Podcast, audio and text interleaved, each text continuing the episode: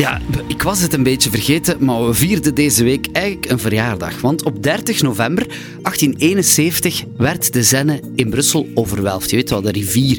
De rivier die ervoor zorgde dat Brussel ontstond en Brussel uitbloeide tot een wereldstad. En die Zenne die werd ja, begraven onder de grond. Intussen zijn we 150 jaar verder en zijn er opnieuw voldoende Zenne-romantici die met de nodige heimwee terugkijken op die periode dat de Zenne nog meanderde door Brussel. Nou ja, er is natuurlijk niemand meer die het letterlijk heeft meegemaakt, want het is dan ook al 150 jaar geleden. Maar intussen zijn er gelukkig wel veel stukjes Zenne waar je opnieuw naartoe kan gaan kijken. Onder meer in Anderlecht is er een stukje Zenne boven de grond. Ook in Haren, Neder-Overheenbeek, zelfs een klein stukje in het centrum van Brussel. Maar waarom werd ze eigenlijk 150 jaar geleden In de 19e eeuw zijn er verschillende cholera-uitbraken eigenlijk in, in Brussel. En in de stad uh, merkt ook dat, dat de Zenne, ondanks het feit dat ze een, een serieus afvalbeheer heeft, uh, dat die Zenne toch ook altijd maar vuiler wordt en, en, en niet meer proper is eigenlijk. En mm -hmm. dus ze willen een soort van rioleringssysteem gaan installeren en uh, ze leggen dat voor aan een, aan een commissie. En die commissie vindt dat dat eigenlijk niet nodig is om die Zenne zuiver te maken, omdat het de natuurlijke manier is van een rivier. Dat is door te stromen gaat ze haar oevers proper houden. Dus die, die commissie is daar in eerste instantie tegen. Maar uiteindelijk vindt de stad dat het toch wel nodig is om iets te doen aan, aan, aan, aan dat probleem van, van die vuile rivier. Ja, de stank en, en zo verder. En dus ze beslissen uiteindelijk uh, in 1867 om die Zenne te overwelven. Dat neemt een aantal jaar uh, in beslag. In Brussel-stad zal de Zenne nooit meer boven grond komen, want ze stroomde ook vroeger echt letterlijk door het centrum. Maar toen parking 58, weet je nog dat hele grote gebouw, werd afgebroken, zijn er heel veel opgravingen gedaan op de oude site van parking 58. En daar is toen heel veel grief gevonden uit de vroege middeleeuwen. En die vondsten die staan ons toe om te weten wanneer Brussel nu precies is ontstaan. En een van de mensen die heeft meegewerkt aan die opgravingen is archeologe Anne de Graven. Zij werkt voor Urban Brussels. En ze vertelt dat een rivier voor een stad, zeker toen in de middeleeuwen, van vitaal belang was. Een stad heeft water nodig dikwijls. Hè. Vele steden in Brabant uh, rond de 9e, 10e, 11e, 12e eeuw die gaan ontstaan langs een rivier. De rivier is tegelijkertijd een transportmiddel, eerst en vooral. Het is een transportmiddel waar je met boten op van de ene stad naar de andere kan gaan, waar je handel kan drijven. Dat is eigenlijk ja, en het de feit dat dat tot het hart van de stad kwam, ja. was natuurlijk lekker handig. Als Absoluut. je iets vanuit Gent uh, bijvoorbeeld naar Brussel moest krijgen, dan kon dat ja, via de Zenne. Inderdaad, inderdaad. Ook de internationale handel gaat hier uh, vooruit natuurlijk, hè, want de Zenne uh, die, uh, gaat naar de Schelde vloeien en van de Schelde ben je in de Noordzee en zo kan je dus internationale handel drijven.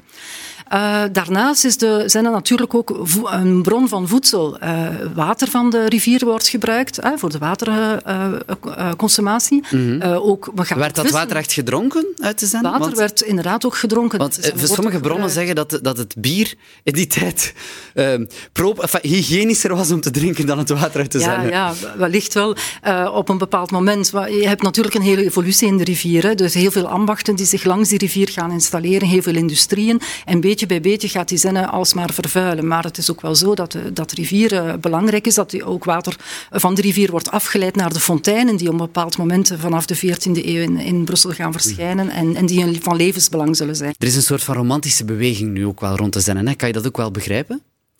Ja, absoluut. Want eigenlijk voel je dat wel in de stad, dat er ooit een uh, rivier was. Hè. Uh, het is een stad. Hoezo?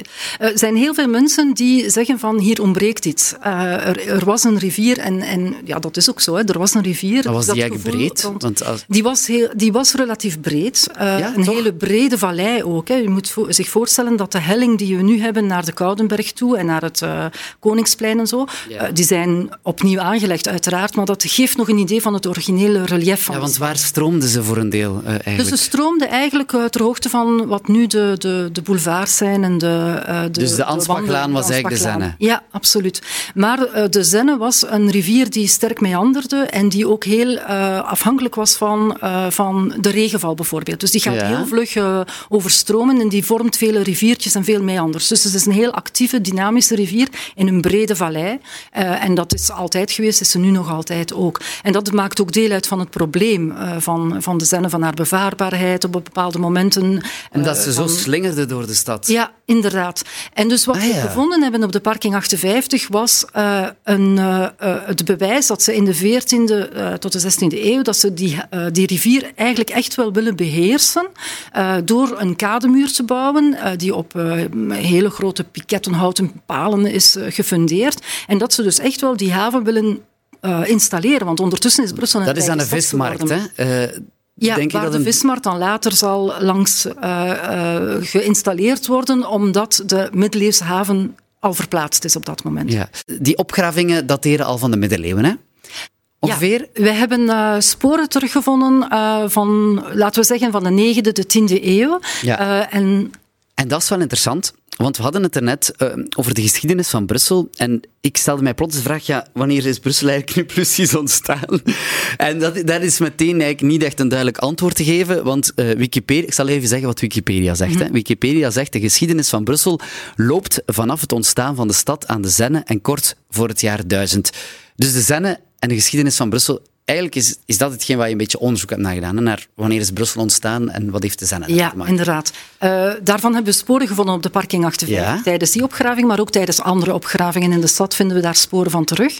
En we zien dat er dus eh, in de 9e eeuw al duidelijk een bewoning is eh, in wat we later Brussel zullen noemen, op, in vers- op verschillende plaatsen, voornamelijk Dus op de 800 rechteroever van de, ja. van de Zenne.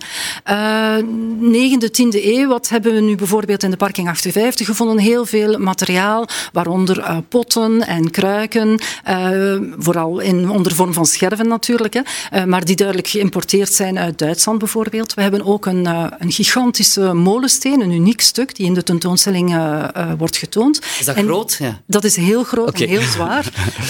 En het is de bovenste steen van de molensteen, dus die uit twee stenen bestaat, waarvan één stilstaat en de andere draait om, om graan bijvoorbeeld te malen. Mhm. Hier gaat het om een nieuwe steen, die is nooit gebruikt, maar die is wel in de rivier gevallen. En we bevinden ons dan in de 10e eeuw eh, ongeveer, eh, dankzij het materiaal dat daar rond lag. Het is een st- molensteen die uit, uit het zuiden van Duitsland komt. We hebben die steen Maar dat geanalyseerd. wil zeggen dat En- Brussel eigenlijk nog ouder is dan, of niet? Dat wil zeggen dat er op dat moment al een zeer bloeiende gemeenschap Ah ja, woont. als er die al graan gemalen al wordt, Een soort van haven heeft, alhoewel die nog op dat moment heel primitief is, want er, de Zenne is nog altijd niet versterkt. Eh, haar haar, haar, haar, haar eh, oevers die zijn niet versterkt. Dus het is nog altijd een vrij vloeiende rivier, zullen we maar zeggen. Ja. Anne, wat betekenen die, die bevindingen nu? Hè? Want er zijn archeologische opgravingen geweest. Je zegt er zijn bierkruiken gevonden geweest. Ik denk ander handcraft material, om het zo te Heel zeggen. veel, Eh, betekent dat we nu nieuwe inzichten krijgen over de geschiedenis van Brussel? Of, of hoe baanbrekend zijn die bevindingen, om het zo te zeggen? Ehm, we hebben heel veel materiaal uit die vroege periodes en dat is nieuw. Dat is eigenlijk echt nieuw, omdat... eh, Dat er zoveel dingen zijn. Dat er zoveel dingen zijn. Eh, en dat is een, een kans eigenlijk om, om nu eh, terug te gaan naar al het historische materiaal, naar de historische documenten, de geschriften, de weinige geschriften die er zijn voor die periode, en die met elkaar te gaan vergelijken. Van wat hebben we nu effectief in die opgraving gevonden? Van wat kunnen we zeggen over de rivier en de bewoning rond de rivier? Want ik geloof dat er in 1100 voor het eerst sprake was van Brussel eh, in Ja. de tekst. Hè? De eerste vermelding van de haven van Brussel, die is in een eh 11e eeuwse tekst van een jonkvrouw die naar Halle gaat omdat ze ziek is en ze wenst te genezen en ze gaat op bedevaart en ze vertrekt uit de portus van Brussel, dus uit de haven eh, van Brussel. Het is de eerste vermelding van de haven. Dat wil zeggen dat die haven daar al duidelijk is. eh, Ja, anders en- kan je er niet en- naar voilà, vermelden als- ah ja, de haven. vermelden, Ja, Eh, en dus die haven die gaat zich langzamerhand verder gaan ontwikkelen. Eh, we gaan meer en meer willen die, die rivier beheersen. En vanaf de 12e eeuw komen daar dan ook eh, watermolens bij kijken. Mhm. Dus de, de, die, die samenleving die wordt meer en meer complex. Die gaat meer en meer een impact hebben op de rivier. Maar gelijktijdig ook complexer worden als georganiseerde samenleving eigenlijk in de middeleeuwen. En dan hebben we in de 14e eh, eeuw die enorme kademuur die wordt gebouwd. Eh, Brussel is een heel rijke stad en dat merken we ook in het materiaal, de objecten die we in de rivier gevonden hebben. Waar Ook ter hoogte van de site van Parking 58. altijd ter hoogte van de site van de parking 58. Eh, en waar we, dit is een unieke inkijk eigenlijk in het dagelijkse leven van de Brusselaar. Eh, dat zijn de dingen die je niet in de historische documenten gaat vinden. Je vindt niet beschreven beschreven van welke schoenen droeg je, wat at je, waarin werd je eten klaargemaakt. We hebben dus kookpannen, kookpotten, braadpannen, we hebben messen, lepels, we hebben het voedsel, de resten van het voedsel dat de mensen gegeten hebben, dus alle soorten. Wat aten ze? alle soorten van fruit en groenten, uiteraard ook heel veel vlees. We vinden de resten van de Beenhouwerswijk bijvoorbeeld, die daar op een boogschut vandaan is, hè, de Beenhouwerstraat. Uh, en dus die, resten, al, ja. uh, die resten van die Beenhouwerswijk, die heel belangrijk is, die komen in die rivier terecht. Wat vinden we nog in de rivier? resten van artisanaal afval, inderdaad. We hebben bijvoorbeeld een hele uitzonderlijke vondst uit de 13e eeuw, resten van een amberatelier. Dus die amber komt uit, uh, is mm. gefossiliseerd hars, die uit de Baltische Staten komt. En dat is een unicum. Dus een, het is een wondermooie collectie. Ik hoor het. Er is uh, heel veel geschiedenis om over te vertellen. Dankjewel, Anne de Graven van het uh, Archeologisch Erfgoed bij Urban Brussels. Dankjewel om even op bezoek te komen en dankjewel om ons kort even uh, ja, in de scène te duwen en vooral in de geschiedenis van de scène te duwen. Merci en tot een volgende keer. Dankjewel, dag. Rond de Zenne lopen trouwens heel wat expos in Brussel. Een volledig lijstje kan je bekijken op brus.be of op de website van de stad Brussel. Dit was trouwens een podcast van Brus. Ik hoop dat je het leuk vond. Meer podcasts van Brus vind je trouwens op onze website brus.be/podcast.